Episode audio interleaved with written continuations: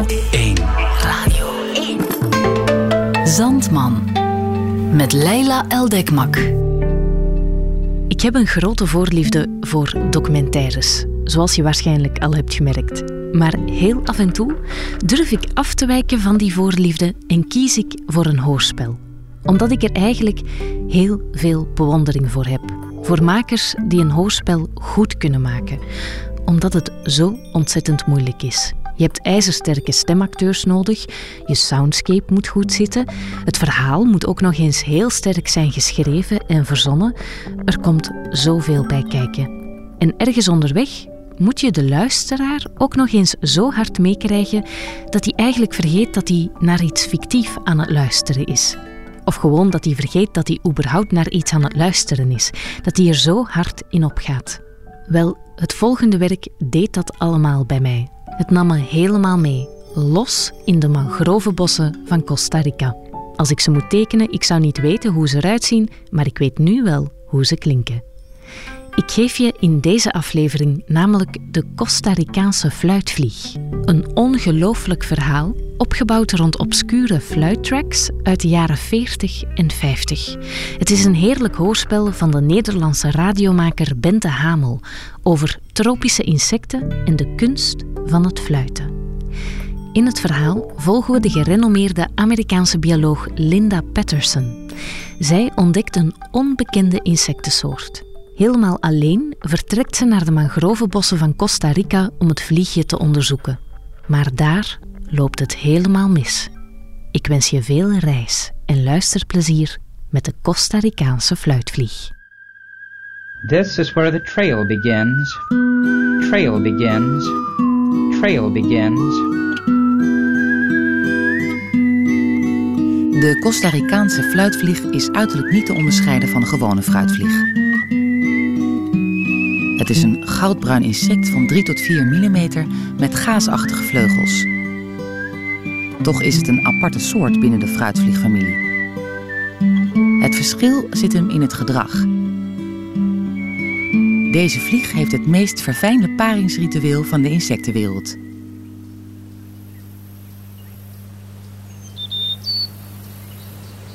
De Amerikaanse bioloog Linda Patterson ontdekte dat bij toeval tijdens een vakantie in Costa Rica. Patterson verbleef in een rustig hotel pal aan de rand van het tropische woud. Die bewuste ochtend had ze zich juist in de hoteltuin onder een bananenboom geïnstalleerd met een boek toen een bewegend stipje haar aandacht trok. Met lome interesse bekeek Patterson de kleine fruitvlieg die rond haar glas mangosap cirkelde. Je kan zeggen dat naar fruitvliegen kijken haar vak was. Thuis, in Florida, werkte ze als onderzoeker aan het prestigieuze Institute for Genetical Research. In die instituut werden jaarlijks honderdduizenden fruitvliegen gebruikt als proefdier voor genetisch onderzoek. Patterson bracht haar dagen door in het laboratorium achter de microscoop, waar ze het gedrag van de diertjes observeerde. Logisch dus dat ze in de hoteltuin in Costa Rica hetzelfde deed.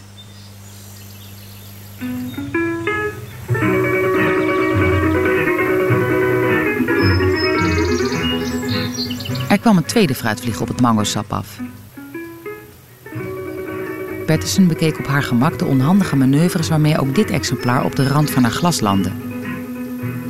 Ze deed haar leesbril af en hield een van de brillenglazen dicht voor de vliegen als een geïmproviseerd vergrootglas. Nu kon ze ze duidelijk zien. De fruitvliegen waren tegenover elkaar gaan staan, hun koppen naar elkaar toegekeerd. En toen gebeurde het.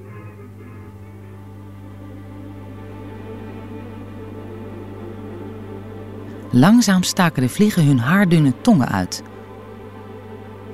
Maar ze gebruikten die niet om de zoetigheid van het glas te deppen, zoals Patterson verwachtte.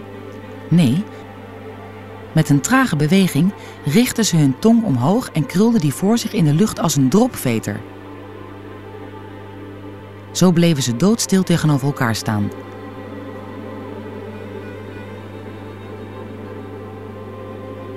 Linda Patterson wist niet wat ze zag. Ademloos keek ze hoe de vliegen daar stonden met hun spiraaltongen vier in de lucht. Het duurde ruim een minuut. Toen trokken de vliegen hun tongen in en copuleerden ze.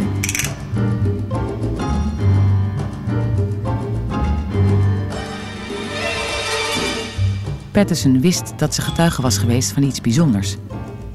En ze wist wat het betekende. Ze had een nieuw soort ontdekt. Er zou onderzoek worden gedaan naar het gedrag en leefgebied en dat onderzoek zou zij leiden. Dit vliegje was haar one-way ticket uit Florida.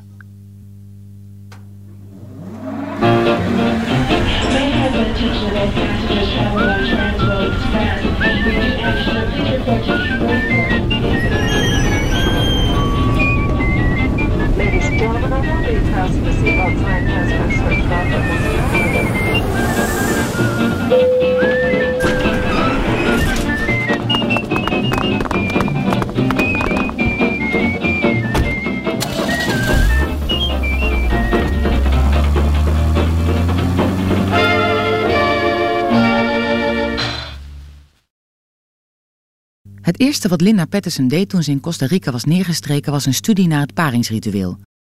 Ze ving een vijftigtal vliegen. Die bestudeerde ze intensief door een microscoop die ze boven het glazen terrarium met de diertjes had opgesteld. Het was adembenemend om van dichtbij te zien hoe de vliegen tegenover elkaar stonden, hun lichamen roerloos, zelfs geen trilling in de tongen. Het leek of ze in trance waren. Wat gebeurde hier toch? Pattersons observaties gaven geen duidelijkheid. Zelfs door haar sterkste lens kon ze niets ontdekken.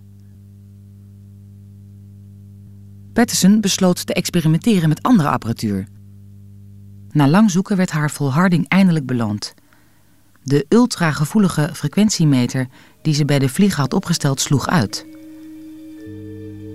Het duurde niet lang voor ze had vastgesteld wat er precies aan de hand was. Deze fruitvlieg kon zijn tong laten vibreren en maakte op die manier muziek. Met tonen zo hoog dat ze niet door mensenoren waargenomen konden worden. Het nieuws van een sensationele ontdekking haalde wereldwijd de kranten. Vanaf dat moment noemde men het diertje de Costa Ricaanse fluitvlieg.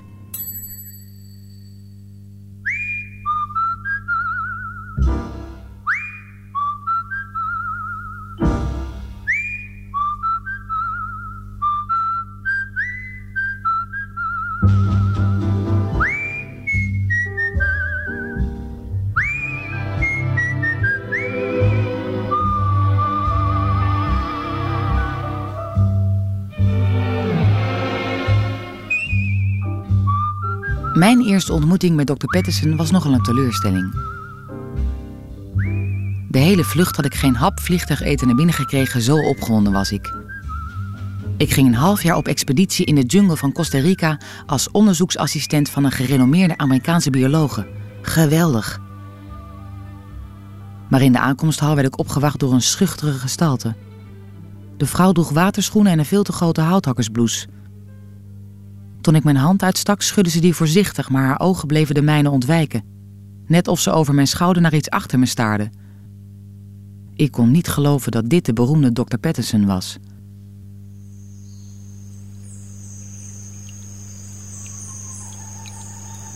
Toch duurde het niet lang voor ik deze zwijgzame vrouw aardig begon te vinden. Ze wist zich wonderlijk goed te redden in de jungle. Haar uitvalbasis was een primitief kampje dat ze zelf had gebouwd van takken en bananenbladeren. De afgelopen twee jaar had ze er helemaal alleen geleefd zonder enig comfort. Het was een moeilijke plaats om te leven. De bodem was drassig, de lucht zwaar van vocht. Door de lichtgroene nevel van superfijne waterdruppeltjes drong weinig licht door.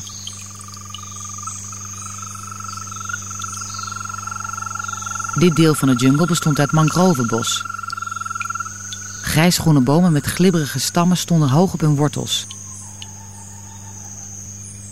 In deze broeierige wereld wemelde het van fluitvliegen. Het was hun natuurlijke habitat. Als assistent was ik verantwoordelijk voor de simpele taken. Ik verzorgde de vliegen in hun terrarium en voorzag ze van rottende bananen. Ook onderhield ik de apparatuur. Een tijdrovende klus, want het vocht kroop overal in, dus moest ik de instrumenten elke middag heel secuur droog wrijven voor ik ze wegborg in hun waterdichte kist. Verder kookte ik rivierwater om het drinkbaar te maken en bereidde ik het eten. Als het om zeven uur s avonds donker werd en we onze rijst met bonen gegeten hadden, was ik doodop. Dan kroop ik in mijn veldbed en sliep een onrustige slaap.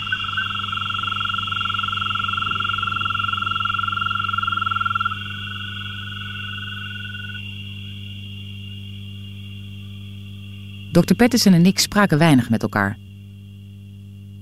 Ochtends vertrok ze op haar waterschoenen en bracht de hele dag door in het woud bij de fruitvliegpopulaties wie er gedrag ze volgden.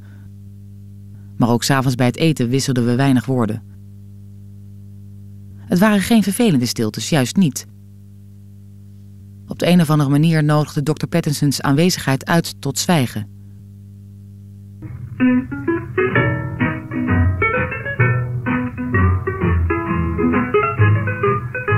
Niet dat ik geen vragen had.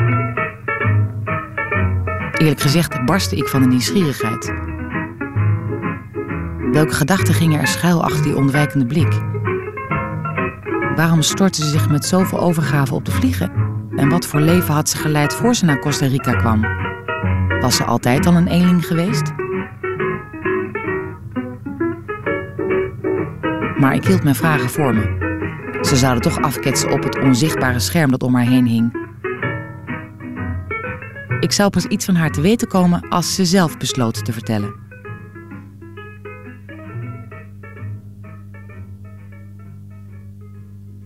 Een van de dingen waarvan ik het meest genoot was mijn dagelijkse tocht naar de rivier om water te halen. Ons kamp lag op een hoger gelegen stuk waar de bodem redelijk solide was, maar zodra ik afdaalde werd het moerassig en moest ik waden door ondiepe plassen. Dr. Patterson had me een veilig pad gewezen waarlangs ik naar de rivier kon gaan, maar die begon me na een tijdje te vervelen. Ik daagde mezelf uit om elke dag een nieuwe looproute te zoeken. Het was een leuk spel en ik werd steeds handiger. Ik gebruikte omgevallen bomen om overheen te lopen en langs de spinachtige boomwortels kon ik hele stukken klimmen zonder natte voeten. Ik zigzagde door het woud en liet mijn weg bepalen door het toeval. En zo kwam het dat ik op een dag nogal ver stroomafwaarts bij de rivier belandde, in een deel van het woud dat ik niet kende. Het was een dicht begroeide plek waar de geur van humus zo sterk en zoet was dat het leek of ik hem op mijn tong proefde. Ik zette mijn jerrycan neer om even om me heen te kijken. Ik kon het bladerdak boven me niet zien, zo dik was de nevel. Ontelbare lianen bungelden vanuit de hoogte omlaag. De stammen van de bomen waren bedekt met een heel mooi lichtgroen mos dat een zwak fluoriserend licht gaf.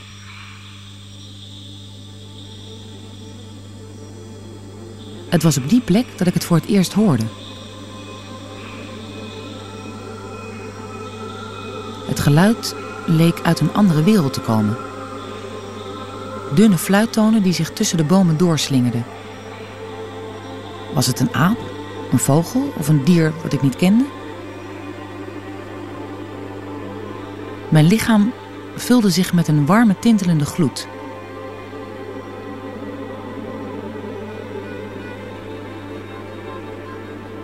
Als een hond met gespitste oren stond ik daar, roerloos, en luisterde geconcentreerd.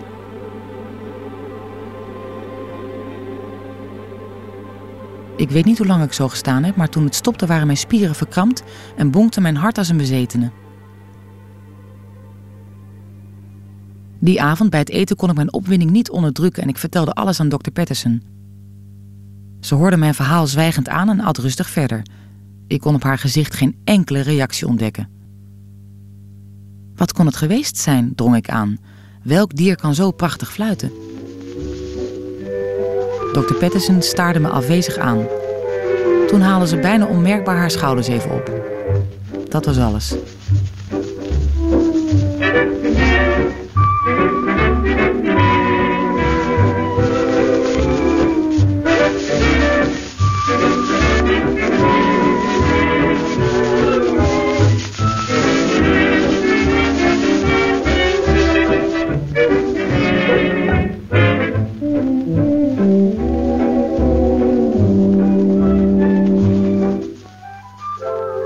Volgende ochtend voor ze wegging, zei ze dat ik maar beter niet meer van de veilige route naar de rivier af moest wijken. Te riskant, zei ze. Natuurlijk nam ik niet de veilige route naar de rivier. De volgende dag ging ik meteen terug naar de dichtbegroeide plek stroomafwaarts. Maar er was niks te horen. Dus ging ik de dag ernaar weer en de dag daarna ook. Het geluid had een hol gevoel in mijn borst achtergelaten. Ik wilde het opnieuw horen. Het idee dat ik het niet opnieuw zou horen maakte me onrustig. Maar op een middag was het er weer. Net als de vorige keer luisterde ik in verstijfde extase, niet in staat ook maar een vinger te bewegen.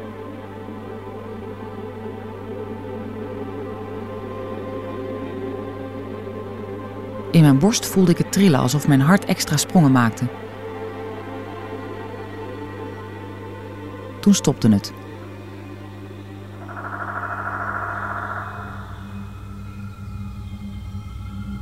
Het geluid was van dichtbij gekomen en ik had duidelijk gehoord vanuit welke richting. Behoedzaam liep ik die kant op. Ik kwam moeilijk vooruit in de dichte begroeiing waar weinig licht doordrong. Er was alleen het zachte schijnsel van het mos. Toen begon het fluiten weer. Het was hoogstens een paar meter bij me vandaan, maar door de nevel kon ik niets onderscheiden tussen de stammen.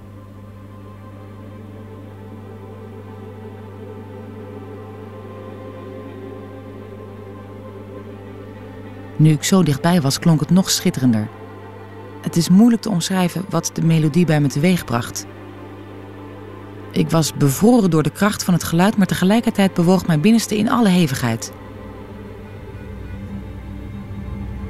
Daar zag ik iets. Onderaan een mangrovenboom met grillige wortels die zich donker aftekenen tegen de lichtgroene nevel. Uit alle macht tuurde ik en toen zag ik het. De rood-zwarte blokken van een houtakkershirt.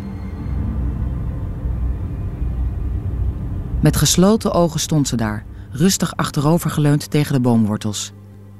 Uit haar getuite lippen kwamen de mooiste klanken die ik ooit gehoord had.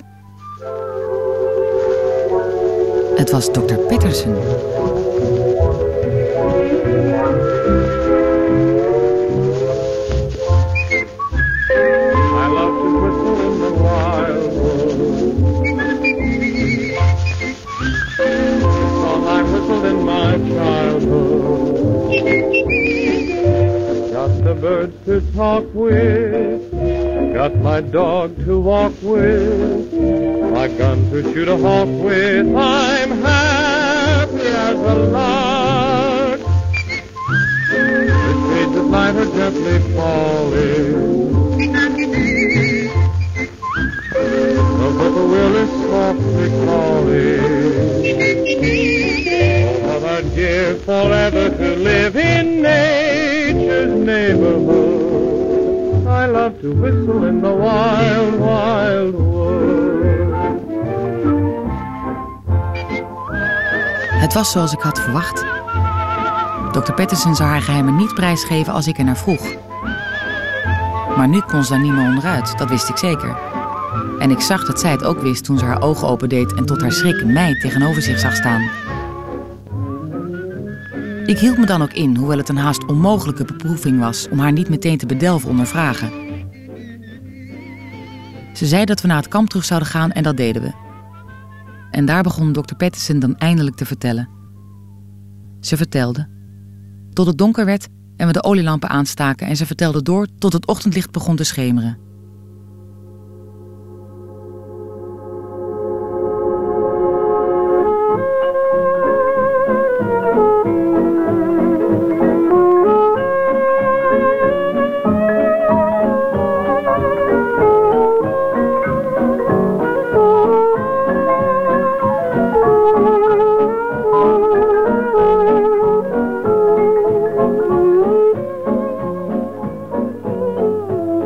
Linda Patterson groeide op in een buitenwijk van New York, waar ze in een klein appartement woonde met haar vader. Harold Patterson was een lieve, geestdriftige man met een bos haar als een reigersnest. Toen Linda nog geen jaar oud was, kwam haar moeder om bij een treinongeluk. Sinds dat moment had haar vader zich vol overgave gericht op Linda's opvoeding. En zo kwam het dat de kleine Linda al zolang ze zich kon herinneren met haar vader meeging als hij optrad.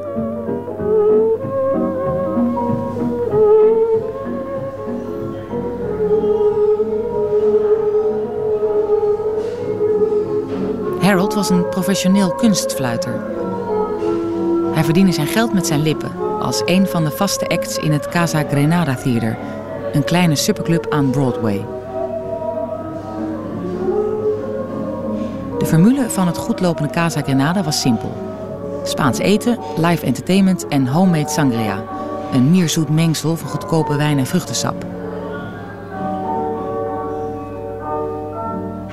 Hier stond Harold vijf avonden per week op het podium als Harry Patterson, de Birdman.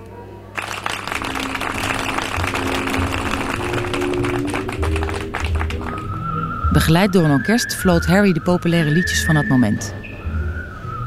Op zijn repertoire stonden natuurlijk ook de Spaanse meezingers zoals Que.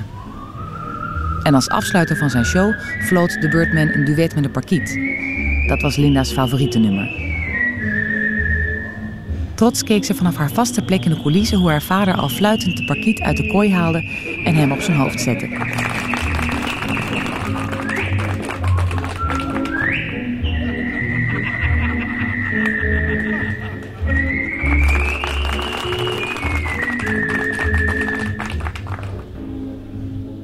Harold was een fantastische entertainer, maar zijn muzikale vaardigheden waren beperkt. Hij was geen virtuoos van het kaliber Muzzy Marcelino of Fred Lowry. Dat waren de grote namen in die tijd. Iedereen kende Muzzy van de soundtracks van talloze Hollywoodfilms. Talk Radio, AM 790. Well, I recognize that song.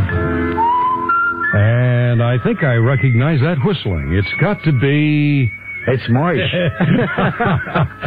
Muzz, Muzzy Marcelino, how are you? I just changed my name. It's Moish Mazel Tov. Fine, thank you, Ray. What, what a En dan Fred Lowry. pleasure it is we've uh, known each other. De kleine blinde man uit Texas was een fenomeen. Hij trok volle zalen door heel Amerika.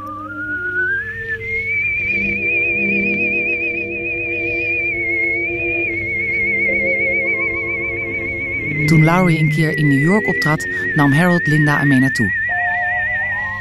Een van de liedjes die Lowry die avond floot was Indian Love Call. Het liedje was heel bekend, verschillende artiesten zongen het en het was vaak op de radio. Het ging over twee geliefden die elkaar roepen in de wildernis. When I'm calling you, will you answer to? Maar Lowry zong het liedje niet, hij floot het.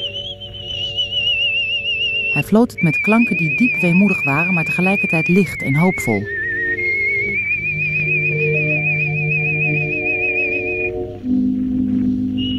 Later kochten Harold en Linda er een grammofoonplaat van en ze draaiden het steeds opnieuw.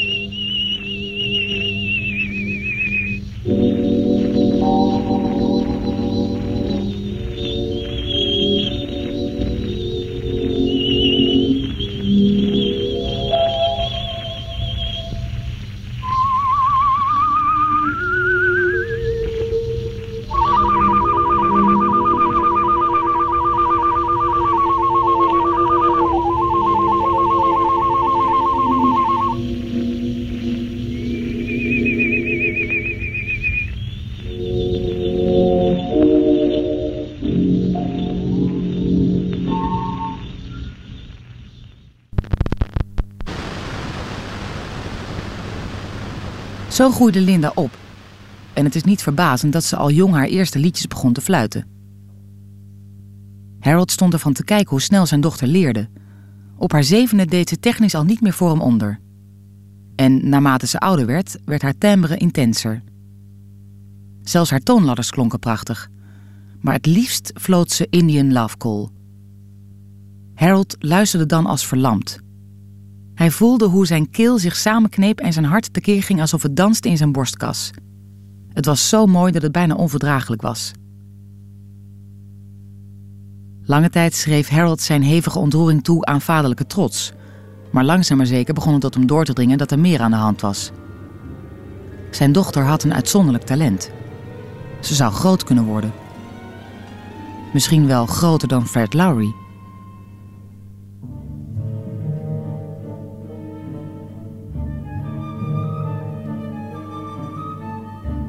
Harold was niet het type ouder dat zijn kind onder druk zet om beroemd te worden. Juist niet, daarvoor kende hij de business te goed. En zo kwam het dat Linda tot haar veertiende nog nooit had opgetreden voor publiek. Maar haar talent was te groot om lang verborgen te blijven. En dus was daar op een dag het aanbod van de Ron Reginald Show.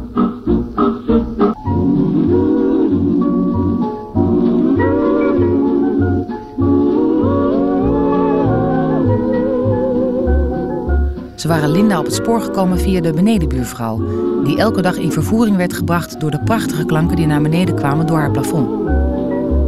De vrouw had de redactie van Ron Reginald gebeld met de mededeling dat er een muzikaal wonder boven haar woonde.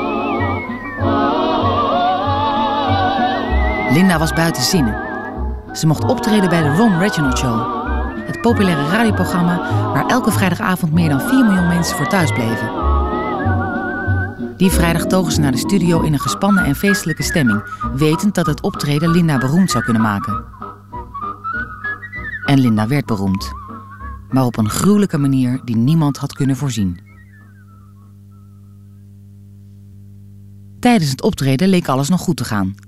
Linda floot prachtig. Iedereen in de studio was van zijn stuk gebracht. Zelfs de altijd goedlachse Ron Reginald was hoorbaar ontroerd. Met onvaste stem zei hij dat de luisteraars getuigen waren geweest van een bijzondere gebeurtenis. A star is born, zei hij, oprecht onder de indruk.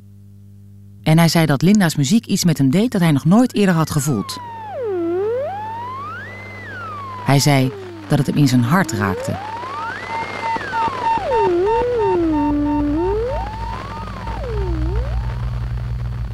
De letterlijke waarheid van Ron Reginald's woorden kwam de volgende dag aan het licht toen de eerste alarmerende berichten in de krant verschenen. Tientallen mensen waren tijdens het luisteren naar de radio-uitzending getroffen door een hartaanval.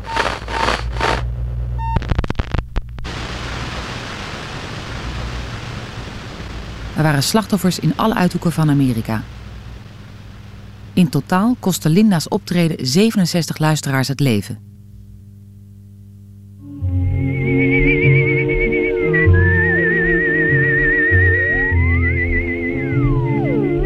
Het was een raadsel. Een commissie van artsen werd aangesteld om een verklaring te zoeken voor deze bizarre ramp. En hun conclusie liet geen ruimte voor twijfel. Linda was de oorzaak en de verklaring was resonantie.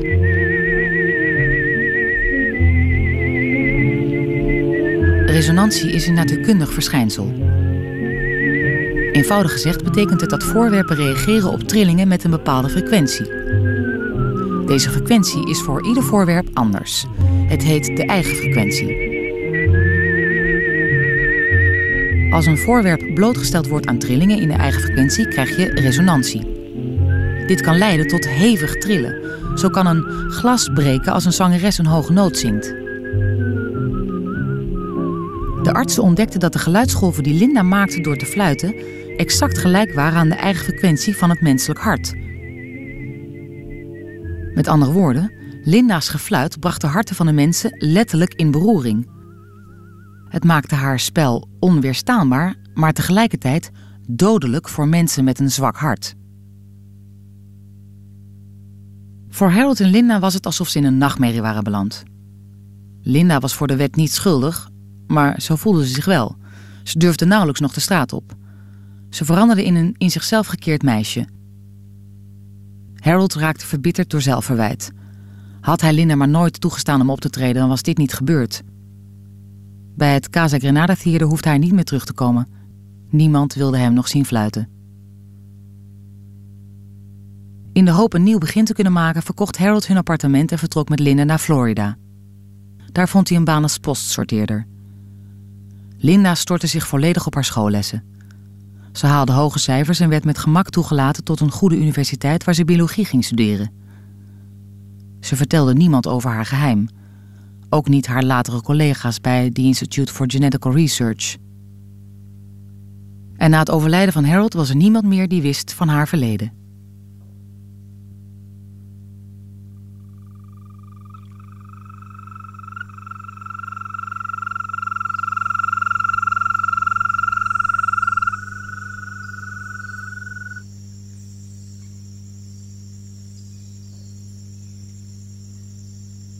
Ik kan me niet meer herinneren, maar tegen de ochtend moet ik in slaap gevallen zijn. Ik weet nog wel dat ik een vreemde droom had. Dr. Patterson zat opgesloten in het terrarium en keek door haar microscoop naar buiten.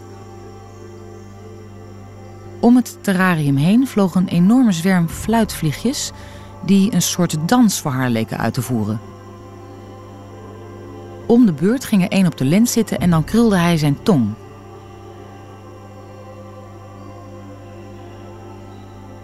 Ik zag dat Dr. Patterson haar lippen tuitte en ik legde mijn oor tegen het terrarium. Maar ik kon haar niet horen door het dikke glas.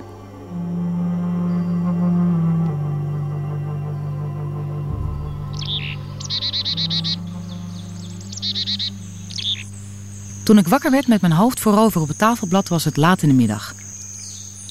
Ik merkte meteen dat er iets niet klopte. Dr. Patterson's veldbed stond er niet meer en ook Dr. Patterson was nergens te bekennen. De zoektochten die ik de daaropvolgende dagen ondernam leverden niets op, het speurwerk van de lokale politie ook niet. Dr. Patterson was zonder spoor verdwenen in de jungle van Costa Rica, met haar bed en het grootste gedeelte van de voedselvoorraad. Ik heb me erg zorgen over haar gemaakt. Zou het vertellen over haar verleden haar hebben verward? Ze zou zichzelf toch niet iets hebben aangedaan? Toch wees alles erop dat ze rustig haar tas had ingepakt alsof ze zich voorbereidde op een lang verblijf in de jungle.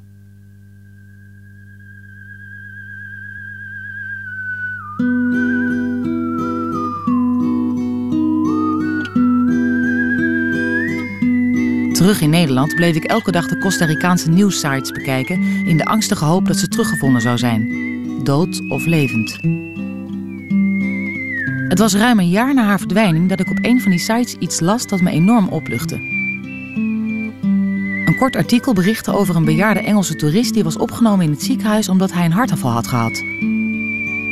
Het was gebeurd tijdens een kanotocht door het mangrovenbos. De man herinnerde zich dat er vlak daarvoor iets geks was voorgevallen. Ver weg in de jungle had hij een vogel een liedje horen fluiten dat hij nog kende van vroeger.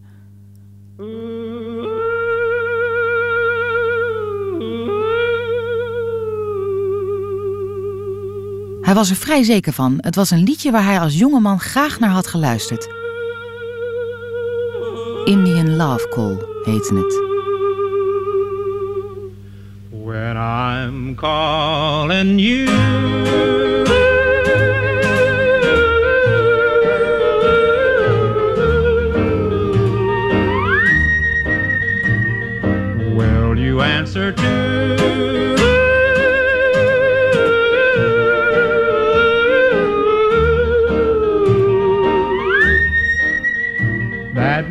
Means I offer my love to you to be your own. If you refuse me, I will be blue and waiting all alone.